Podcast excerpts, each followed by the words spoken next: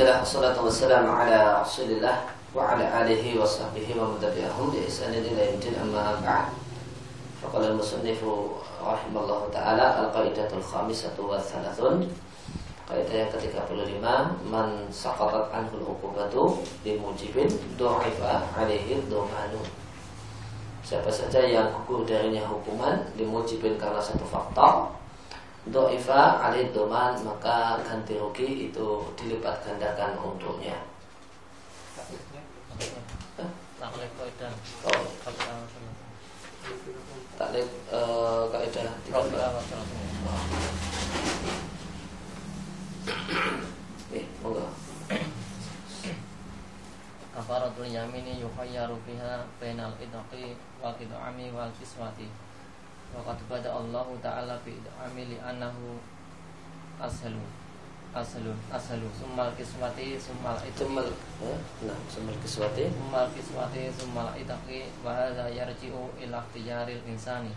Fanzur ilal hikmati fi anna Allah Ta'ala bada'a bil ashali bil kafarati isyaratan il ila anna dinal islamiyya mabniyun ala al-yusri wa suhulati wa ala hadha falana an naqula nabda'u bima bada Allah fi wa nabda'u bil it'ami li anhu ashalu.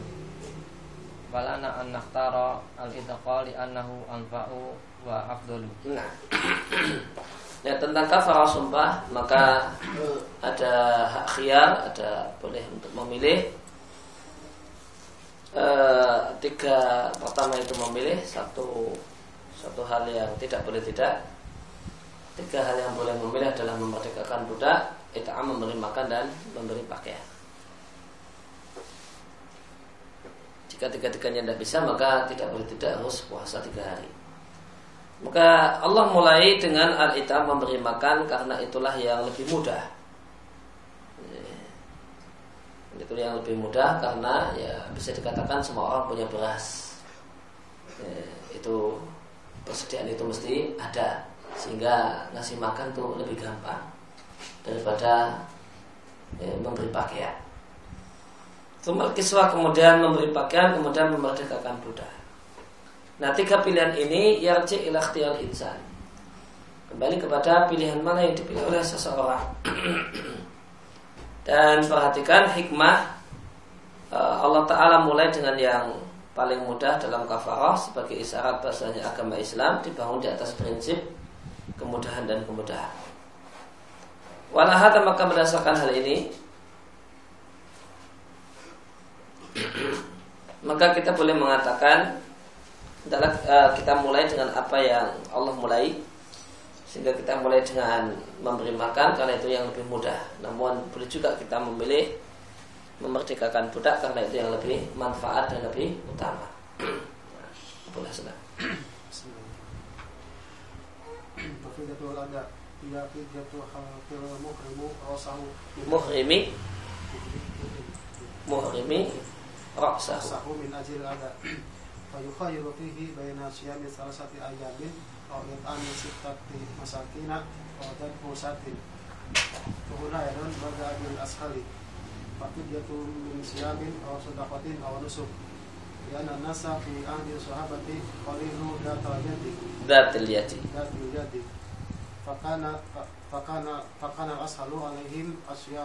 Nah, ini maksud dengan fityatul adha adalah e, fityah dikarenakan orang yang berihram itu mengundul kepalanya. Min ajli al adha karena gangguan yang ada di kepala, kutu atau yang lain. Maka boleh memilih antara puasa tiga hari, memberi makan enam orang miskin atau menyembelih seekor kambing. Dan di sini Allah juga mulai dengan yang paling mudah, Fityatun min siyamin aw sadaqatin aw nusuk. Karena manusia di masa para sahabat mereka adalah hanya memiliki sedikit harta. Dan dilihat maka yang mudah bagi mereka adalah berpuasa. Apalagi ketika mereka dalam kondisi safar dalam rangka berhaji. Maka bekal ketika itu makan ketika itu satu hal yang sangat vital maka puasa lebih mudah.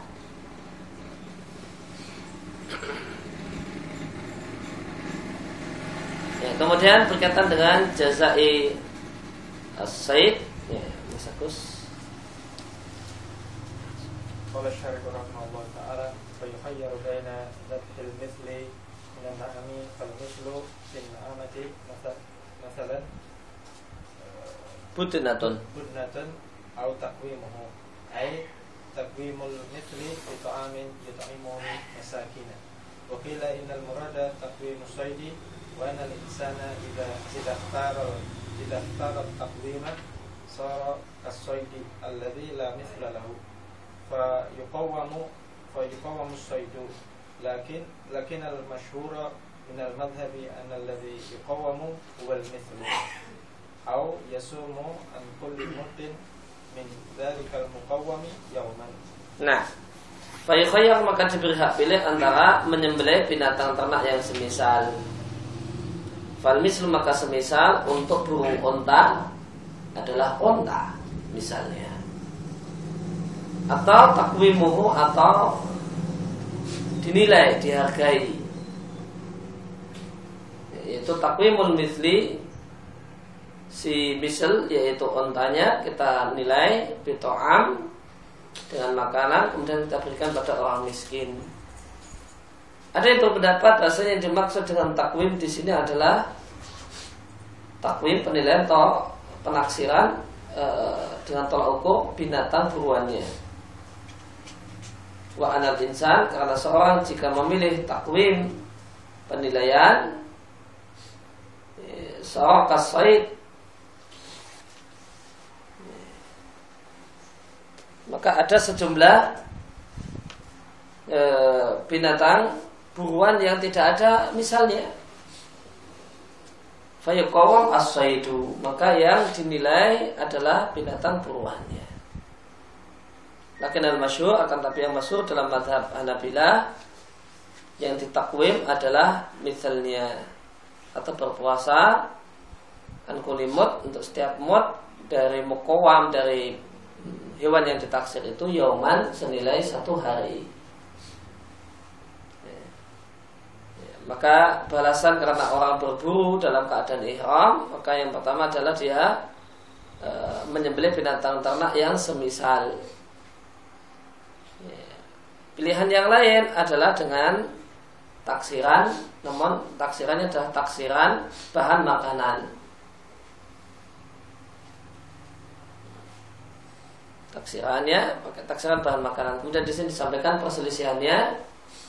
Nih taksirannya itu yang ditaksir itu binatang buruannya ataukah misalnya burung onta itu misal semisal dengan onta. Oke jadi acuan takwim itu burung onta ataukah ontanya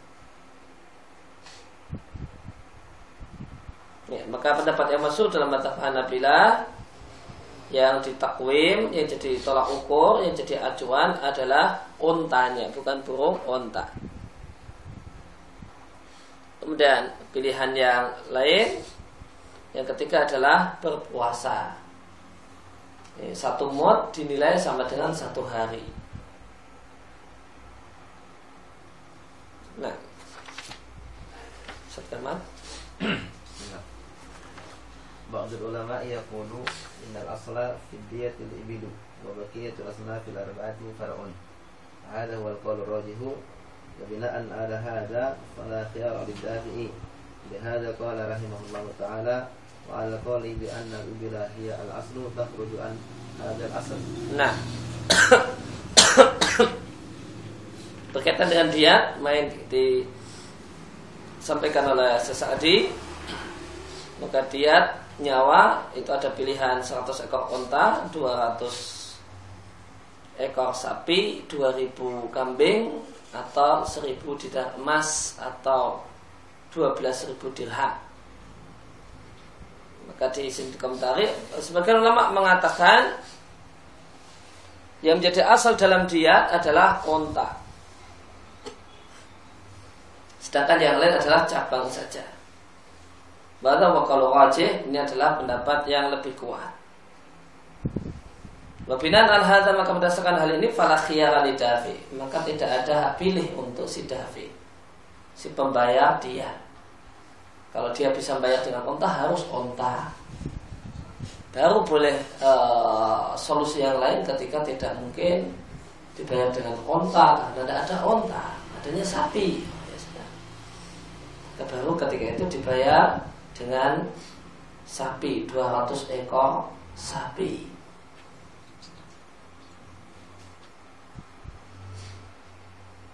Walihat takon oleh karena itu ya, penulis uh, Ibnu Sa'di rahimahullah mengatakan wa alal qauli bi anal as bi anal ibla wal aslu nah, kalau menurut pendapat yang mengatakan bahasa unta itu adalah hukum asal dia maka permasalahan ini tidak termasuk dalam kaidah dalam kaidah 34 tidak masuk Permasalahan diat ini masuk dalam kaidah 34 menurut satu kaul yang mengatakan bahasanya diat itu tidak ada asal-asalan di sana. Semuanya nilainya selevel sehingga boleh milih. Ya, nah, satria ya. Qawluhu warikihi yakni yaj'aluhu rafiqan kan nisa'i wa dhurriyyati. Wa ahdu fidaihi imma bimalin bi ayyakul al-asir atlikuni wa ana u'tikum minal mali kada wa kada wa imma bi amalin kama jara fi usra badrin annahum fadaw anfusahum bi amalin lis sahabati radhiyallahu anhum. Wa imma bil minnati alaihi yakni majanan wa yulzamul imamu fi'lal aslahi. Nah. Uh, kemudian imam atau penguasa atau panglima perang berkaitan dengan tawanan perang memiliki uh, punya hak untuk mengambil mengambil sejumlah opsi yang ditawarkan oleh syariat antara membunuhnya, memperbudaknya, minta tebusan ataukah minnah dibebaskan cuma-cuma. Maka riki artinya menjadikannya budak sebagaimana ya, perempuan dan anak kecil. Kalau perempuan dan anak kecil tawanan orang kafir, tawanan berupa orang kafir berupa perempuan dan anak kecil otomatis harus budak. Cuma kalau ya, tawanannya adalah laki-laki, nah ini ada sejumlah pilihan. Kalau dianggap dirasa perlu diperbudak bisa, jika dirasa ya, perlu dihabisi bisa. Uh, atau mengambil tebusan, mengambil tebusan itu boleh jadi tebusannya berupa harta. Semacam tawanan mengatakan lepaskan aku akan kuberikan kalian harta nilainya sekian dan sekian. Atau dalam bentuk kerja sebagaimana yang terjadi pada tawanan perang badar. Mereka menebus diri mereka dengan bekerja yaitu mengajari baca tulis sampai bisa 10 orang ini sahabat untuk para sahabat kalau Sepuluh orang yang buta huruf sudah bisa baca tulis, ya, bebas. Namun sepuluh, Radullah anhu atau minna yaitu dibebaskan majanan gratisan. Nah, hak pilih di sini bukan dasarnya bukan tasyahi, bukan suka-suka. Ya. Namun dasarnya adalah al aslah. Ilzam al-imamah maka menjadi keharusan al-imam fi'lul aslahi melakukan manakah yang paling maslahat untuk kaum muslimin dari sejumlah pilihan itu. Dan kembali kita contohkan e, bahasanya melakukan mana yang paling aslah ini juga berlaku untuk penguasa berkaitan dengan penggunaan harta rakyat. E, maka mereka punya hak pilih untuk untuk mendistribusikan, uh, mendistribusikan harta, menaikkan gaji, uh, beli keperluan dinas dan sebagainya. Ini semua harus mereka punya hak pilih. Non hak pilihnya bukan suka-suka, bukan namun al aslah. Eh, maka mana yang paling masalah untuk kepentingan rakyat, bangun gedung lagi ataukah tidak? Eh, atau perlu bikin kegiatan ini ataukah tidak mana yang paling maslahat Eh, menaikkan gaji ataukah tidak mana yang paling maslahat untuk rakyat untuk umat nah, itu yang boleh dilakukan. Dan jika mereka e, bersepakat untuk e, melakukan tindakan yang tidak al aslah dan itu dilegalkan itu dilegalkan maka harta tersebut tetap harta yang tidak halal. Tidak ada kebutuhan dawat untuk tidak ada kepentingan untuk menaikkan gaji pejabat. Namun dibuat namun dibuat kesepakatan bersama di antara anggota DPR kalau kita naikkan gaji kita sendiri. Nah, setuju. Nah, setuju. Nah, maka ya itu haram. Kenaikan tersebut haram kesepakatan untuk uh, merampok harta rakyat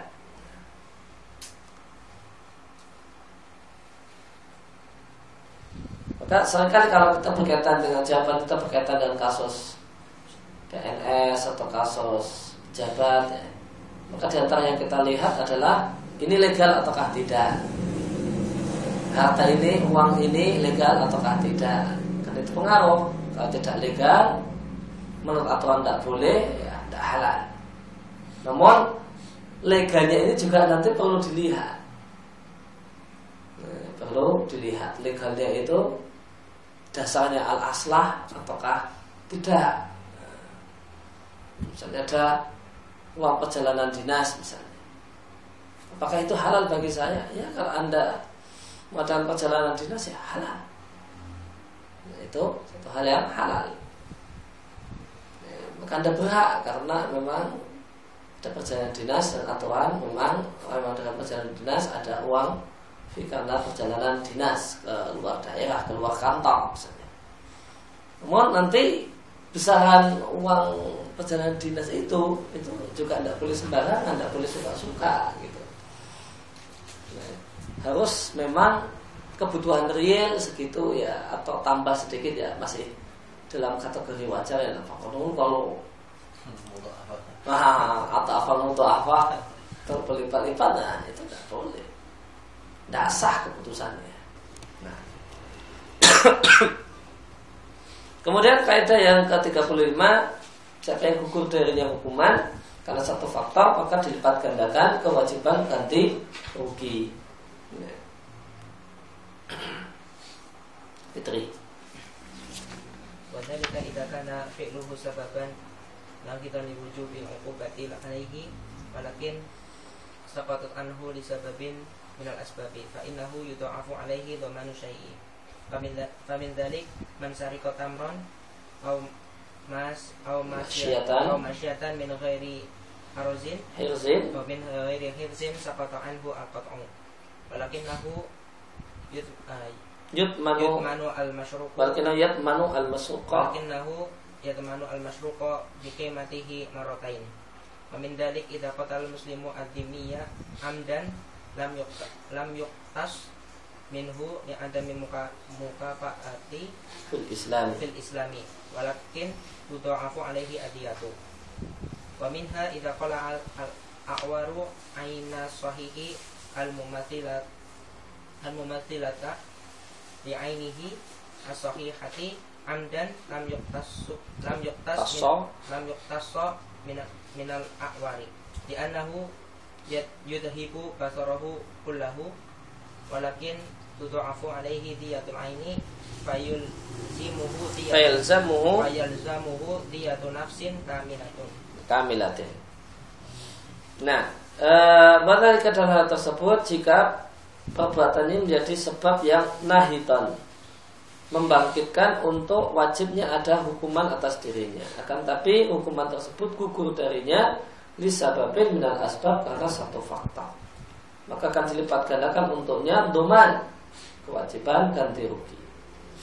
Di antara contohnya adalah siapa yang mencuri koma atau binatang ternak. Namun binatang ternaknya tidak terjaga tidak dikandang maka tidak ada hukuman potong tangan karena tidak memenuhi syarat. Satu hukuman potong tangan barang itu dicuri dari tempat amannya, tempat terjaganya. Akan tapi dia punya kewajiban doman ganti rugi al masuk yang dicuri bihri matihi dengan nilainya makotain dua kali lipat dan curi kambing kambing ini harganya ya 2 juta misalnya. Maka dia dihukum ya, denda berupa uh, uang senilai 4 juta. Dua kali lipat. Kemudian uh, wamin zalika contoh yang lain jika seorang muslim membunuh kafir dimi secara sengaja maka tidak ada kisos karena tidaklah sekufu dalam Islam antara darahnya orang kafir dan darahnya orang Islam akan tapi dilipat gandakan diat untuknya demikian juga jika ada orang buta sebelah mencongkel mata orang yang sehat semisal dengan matanya yang sehat. Buta sebelah ya buta sebelah buta sebelah yang melek kanan. Nah, dia nyongkel mata kanan orang sehat. Kalau dikisos mata kanannya juga dicongkel buta habis dia buta dua-duanya maka lam yuktasok minal akwa maka si buta sebelah tidak dikisos. Karena kisos akan menyebabkan hilangnya penglihatan dia seluruhnya. Akan tapi tudoaf dilipat gandakan tentunya diat mata sehingga menjadi kewajiban dia adalah diat jiwa, diat nyawa. Dia tuh nafsin kamilah dia punya kewajiban untuk bayar dia mata tadi dihargai sama dengan satu nyawa. Ini bagus Fasal mu'alif rahimallahu Zalika tamri wal masyati. Wa amma ba'du ahli ilmi Zalika wa qalu. Kullu man sarika min ghairi hirzin fa innahu laqad alaihi walakin yudu'afu alaihi ghurmu wal aula ayaqtasira ala ma bin nasu wa ma lam yaji bin nasu fal aslu annahu la yutmanu illa bi mislihi aw qimatihi Radu syaihi rahimallahu bi qawli diyatu nafsin kamilatin yakni diyatu ainaini wa diyatul ainaini diyatun nafsi nah uh, penulis uh, menyebutkan secara khusus, secara tegas korma dan hewan ternak. Sebagian ulama membuat kalimat yang general dengan mengatakan semua orang yang mencuri dan barang yang dicuri tidak terjaga, tidak ada hukum potong tangan. Akan tapi dilipat gandakan uh, denda untuknya. Terdapat Muslimin sikap yang terbaik membatasi diri dengan apa yang ada dalam nas yang tidak ada dalilnya maka fal asl maka pada dasarnya tidak ada kewajiban ganti rugi kecuali dengan semisal atau senilai. Yang dimaksud dengan diat nyawa sempurna artinya diat dua mata. Diat dua mata sama dengan diat nyawa. Kemudian kaidah yang ke-36 man atlafa syai'an liyantafi bihi dumanahu atau dominahu. Siapa yang merusak sesuatu supaya dia mengambil manfaatnya karena mau mengambil manfaatnya dia wajib mengganti. Baik karena lima daratihi namun jika siapa yang merusak sesuatu karena sesuatu itu berbahaya baginya fala mana maka tidak ada kewajiban ganti rugi. Ya, Abu Hasanah. Wa min dzalika idza salat alaihi bahimatun idza salat alaihi bahimatun walidhi pada paha an nafsihi pada paha lam yadmanha. Wa in wa in tara ila akliha pada pahuha bidzalika domanuha li'annahu linafihi wa man kana wa man kana muhriman bi hajjin aw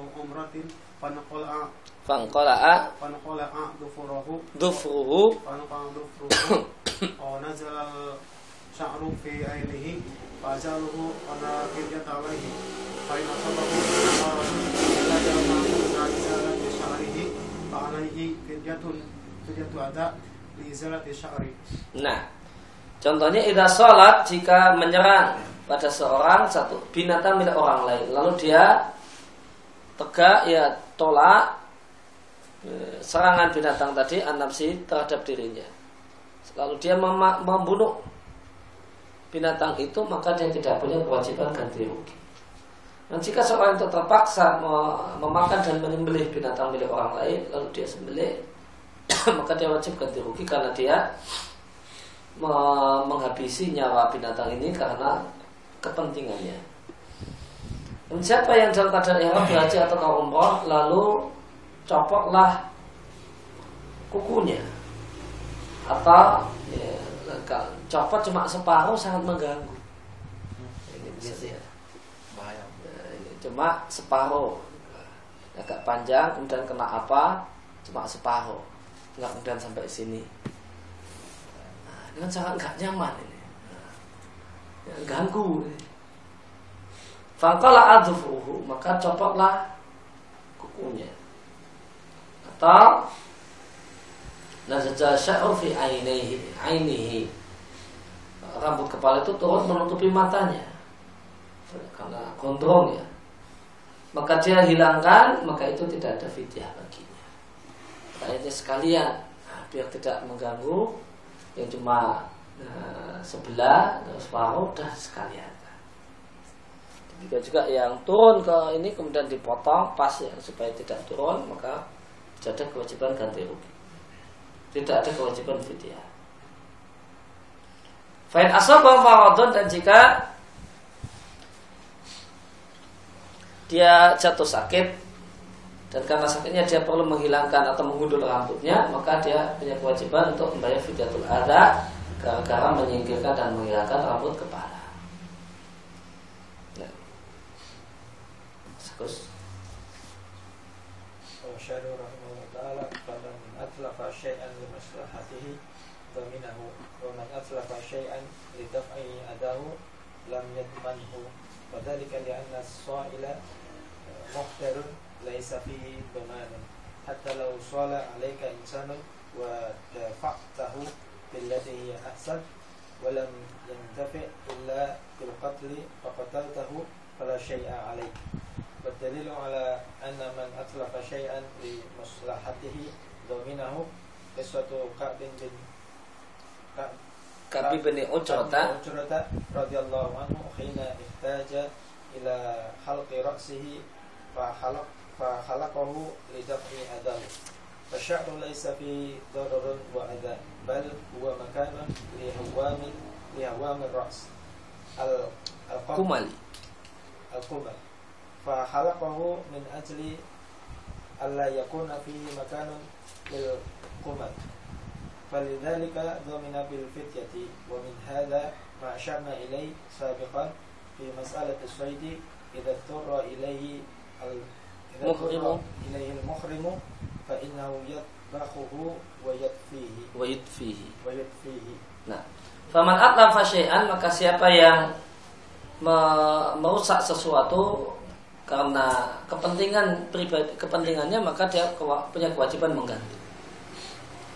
Siapa yang merusak sesuatu dalam rangka mencegah gangguannya maka tidak punya kewajiban mengganti. Li'ana sa'il karena penyerang itu mudah sia-sia tidak ada padanya doman kewajiban ganti rugi. Hatta sampai-sampai seandainya ada seorang yang menyerangmu dan engkau e, membela diri, engkau cegah dengan cara yang lebih baik, namun tidaklah tercegah kecuali dengan membunuhnya, lalu anda membunuhnya maka tidak ada apa pun atas anda.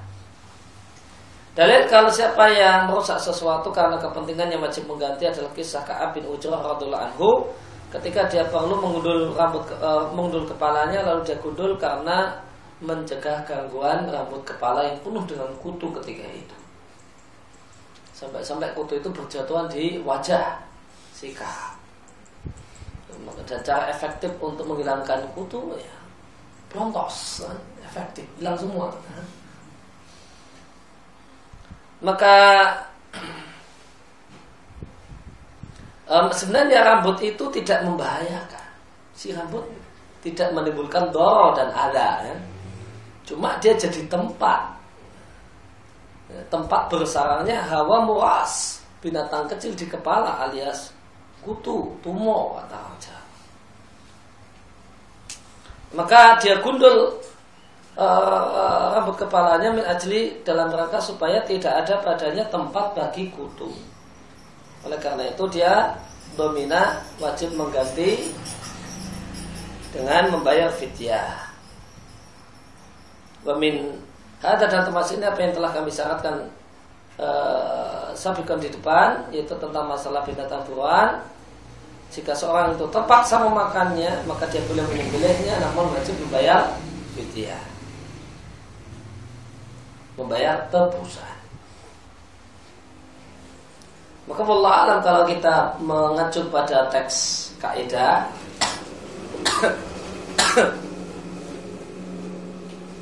teks kaidah kemudian kita bawa ke tempat kita ya, di mana banyak binatang e, berseliweran di jalan. Maka jika tentu ketika misalnya naik motor atau semacam itu tiba-tiba ada ayam lewat ngerem dadak apalagi mio atau semacam itu itu membahayakan. Membahayakan. Ya, membahayakan si pengendara. bisa jatuh bisa ini. Ya, tabrak.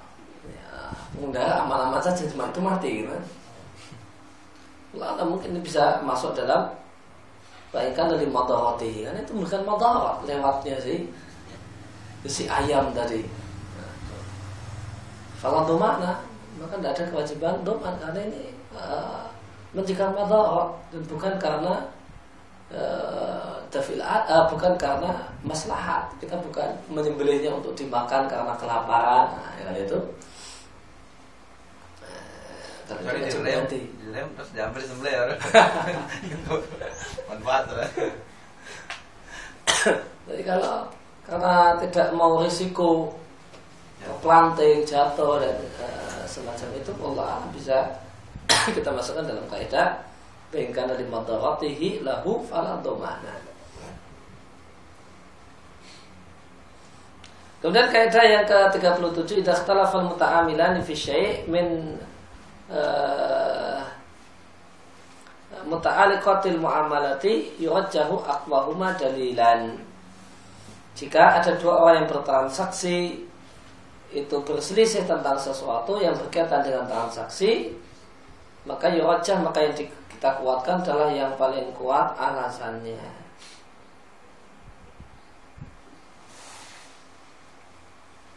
Nah, pertama والترجيحات كثيرة الرجوع إلى الأصول. ومن كان معه أصل قدم على آخر وكثرة القرائن المرجحة. ولذلك قال العلماء إذا اختلف المتعاملان في شرط أو أجل أو صفة زائدة فالقول قول من ينفي ذلك.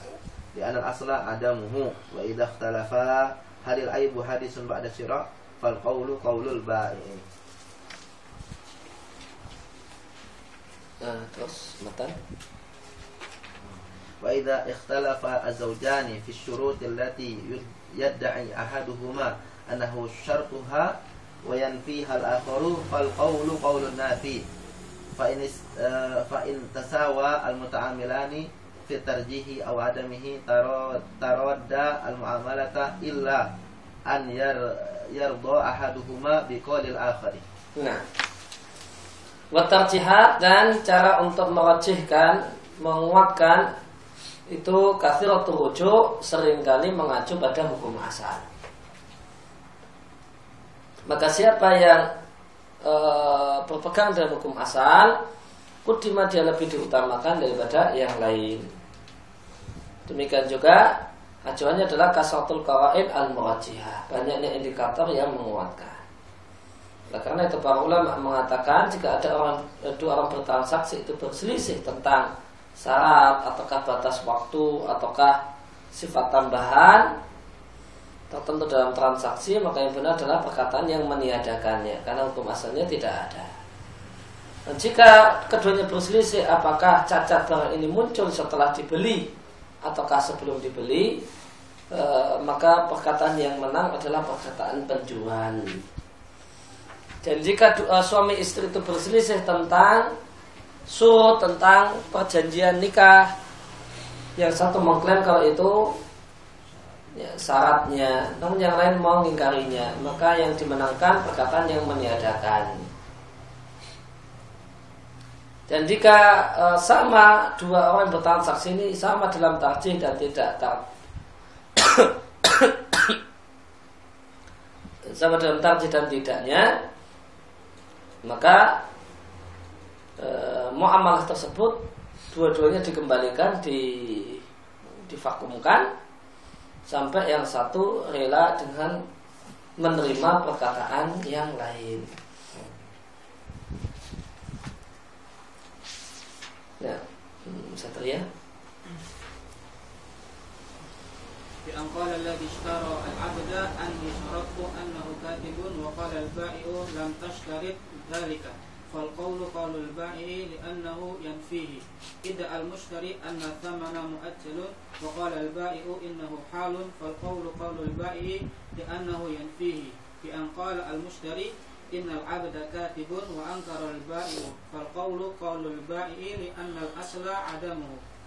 إذا اختلف هل حدث العيب بعد الشراء ففيه تفصيل؟ إن كان لا يحتمل إلا قول البائع فالقول قوله وإن كان لا يحتمل إلا قول المشتري فالقول قوله. مثال الأول مثال الأول الجرح الطري في العبد فلو كان البيع قبل أمس وهذا جرح طري فادعى المشتري أنه كان قبل عقد البيع فالقول قول البائع. ومثال الثاني الإسبع الزائدة يعني بعد أن اشترى العبد وجد فيه Wujida fi. Uh, uh, wajad fihi isba'an zaidatan fi rijlihi aw yadihi fadda al bai'u annahu hadithun wadda al mushtari annahu qadimun fal qawlu qawlul mushtari. Nah e, contoh perselisihan dalam syarat e, orang yang membeli budak mengatakan aku syaratkan kemarin kalau dia bisa baca tulis. Eh, pembeli penjual mengatakan kamu tidak bikin syarat saya seperti itu. Maka yang dimenangkan ucapan penjual karena dia yang meniadakan, mengingkari. Eh, pembeli mengklaim bahasanya uang itu tertunda dibayar besok-besok. Penjual mengatakan dia harus dibayar sekarang. Maka yang benar adalah perkataan penjual karena dia yang mengingkari. E, kemudian yang ketiga tentang sifat zaidah, semisal pembeli mengatakan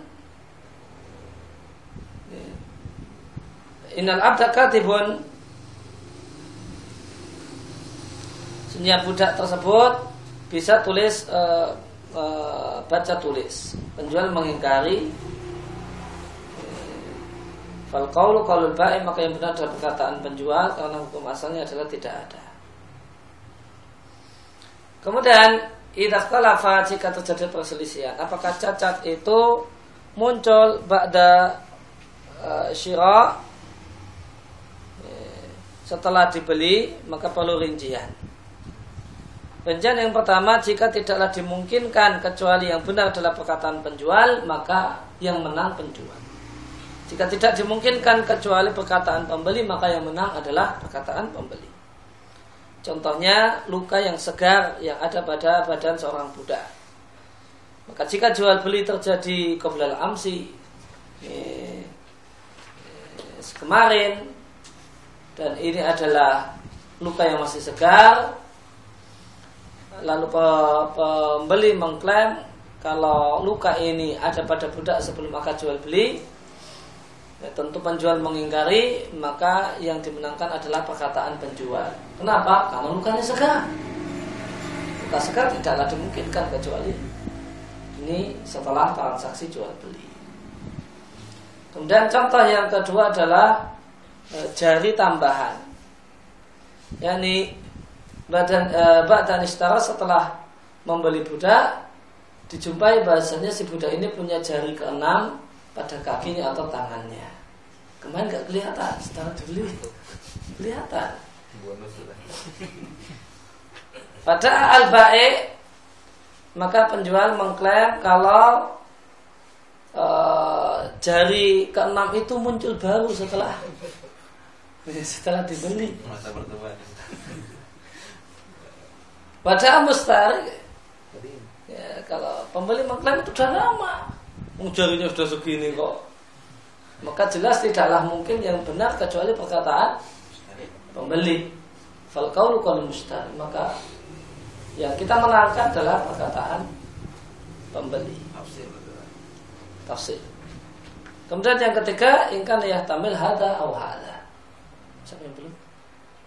Uh, Fitri.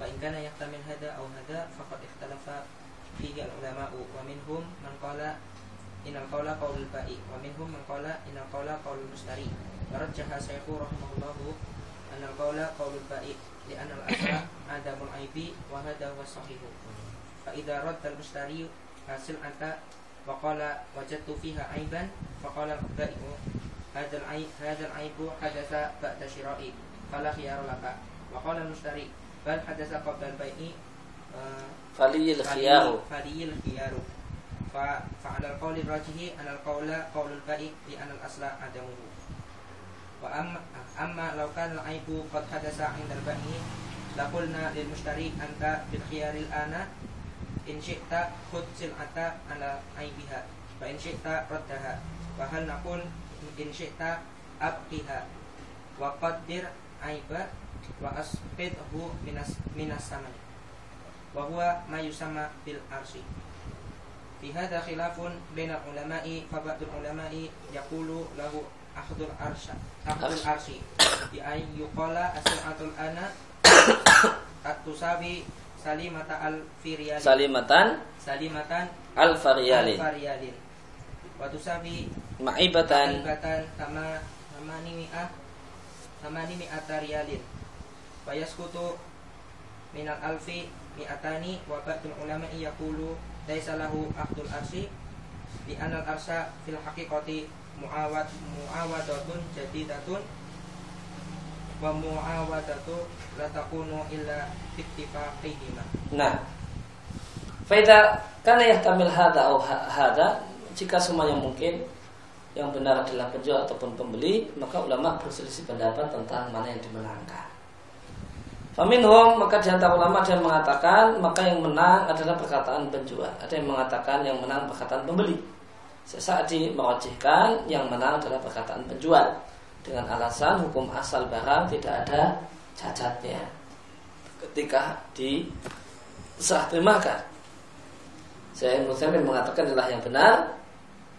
Maka jika pembeli mengembalikan barang dengan mengatakan aku jumpai padanya cacat, penjual lalu penjual mengatakan cacat ini terjadi setelah jual beli, maka tidak ada hak khiyar bagi anda. Sang pembeli mengatakan bahkan terjadi sebelum transaksi jual beli maka aku punya hak khiyar yaitu khiyar aib. Maka menurut pendapat yang kuat yang menang perkataan penjual karena hukum asalnya adalah itu tidak terjadi. Amal karena al aib ataupun jika cacat itu hadasa terjadi di tempatnya penjual, maka kita katakan kepada pembeli, Anda punya hak pilih yaitu khiyar aib al saat ini. Pilihannya yang pertama jika Anda mau ambillah barang tersebut meskipun cacat. Ya, daripada tidak dapat karena ini barang langka.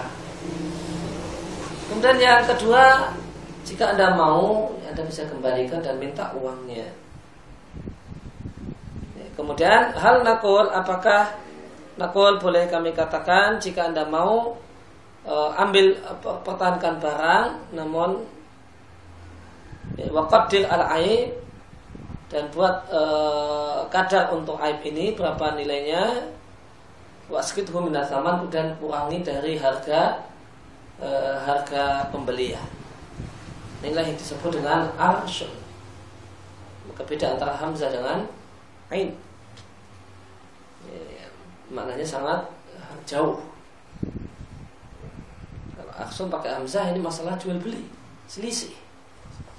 Kalau ini budak sehat harganya 10 juta, ya, cacat kalau baca harganya cuma 5 juta. Ya, selisihnya 5 juta. Itu namanya arsyun. Nah tentang bolehkah dalam uh, khiyar aib Bolehkah mengambil arsh Satu hal yang diperselisihkan oleh ulama. Nah, Adakah arsh dalam khiyar aib? Dalam kasus khiyar aib. Khiyar aib itu syaratnya cacatnya ada di tempat penjual. Baru ketahuan setelah dibeli. Setelah sampai di rumah baru tahu.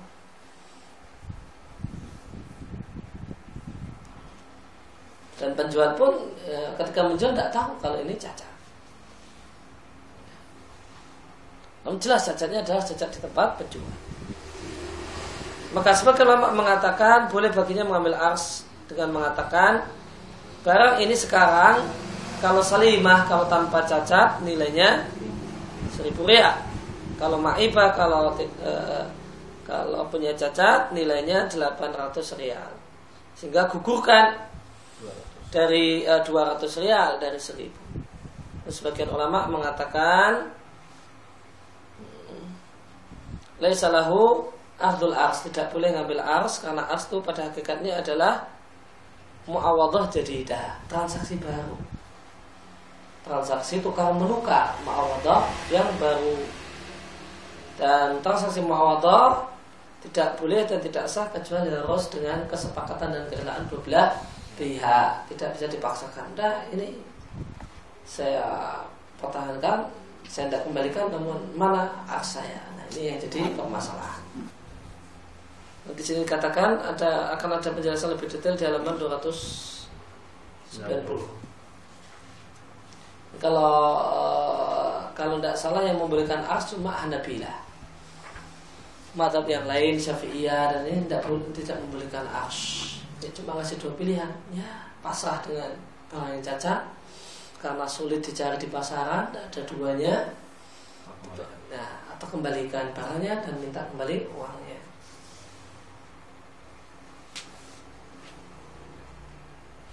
E, contoh yang lain, istar sakson ada seorang membeli pena, lalu dia jumpai bahasanya ujung pena itu tidak bisa ya, berfungsi dengan baik untuk menulis. Makanya ada cacat. Maka pembeli punya hak khiyar antara ya, mempertahankan pena dalam keadaan yang cacat atau mengembalikannya pada penjual dan minta kembali utuh duitnya. Dan sebagai lama yaitu Hanabilah mengatakan dia punya hak untuk memperkirakan nilai pena ini kalau tidak cacat dan nilainya kalau cacat. Maka misalnya nilainya jika dalam kondisi tidak cacat 10 real, kalau cacat 8 real, maka dia bisa yarji, yarji itu minta ganti. Minta ganti kepada penjual 2 real, mana 2 real. Nah, ada ya, dan ini ada namanya arsun dan ada ulama yang mengatakan itu tidak boleh karena ini adalah muawadah transaksi utang eh transaksi tukar menukar yang baru. Jadi transaksinya anjus anjusin faitin dari satu bagian yang hilang. Maka karena ini transaksi baru tidak boleh ada kecuali dengan kerelaan dua belah pihak. Nah, dari dua pendapat ini nampaknya saya Ibnu Taimin mengatakan bahwa wal akrab li Pendapat yang kedua ini yang lebih dekat pada kebenaran. Maka kita katakan pada pembeli Anda boleh mengambilnya dalam kondisi cacat atau Anda kembalikan dan Anda ambil kembali semua uangmu.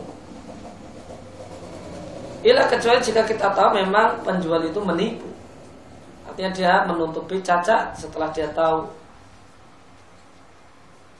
Nah, maka pada saat itu Anda boleh kita katakan kepada pembeli Anda punya hak untuk mempertahankan barang itu di tempatmu dan Anda minta ash.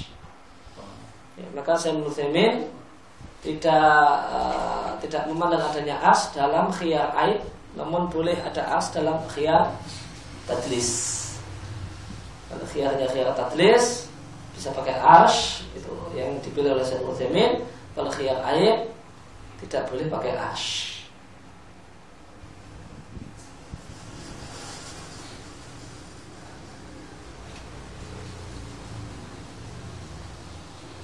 Kemudian kita lam yakun hunaka dalilun jika tidak ada indikator yang menguatkan pendapat e, penjual ataukah pembeli misalnya fa inama yataradani al baik Ya, yang dimaksud etarodani al baik bimakna anana nafsah al akad. Kita batalkan akad. Artinya pembeli itu meminta kembali uangnya dan penjual meminta kembali barangnya. Karena mentok, ya, nggak ada sepakat, ya, ya sudah akad dianggap batal.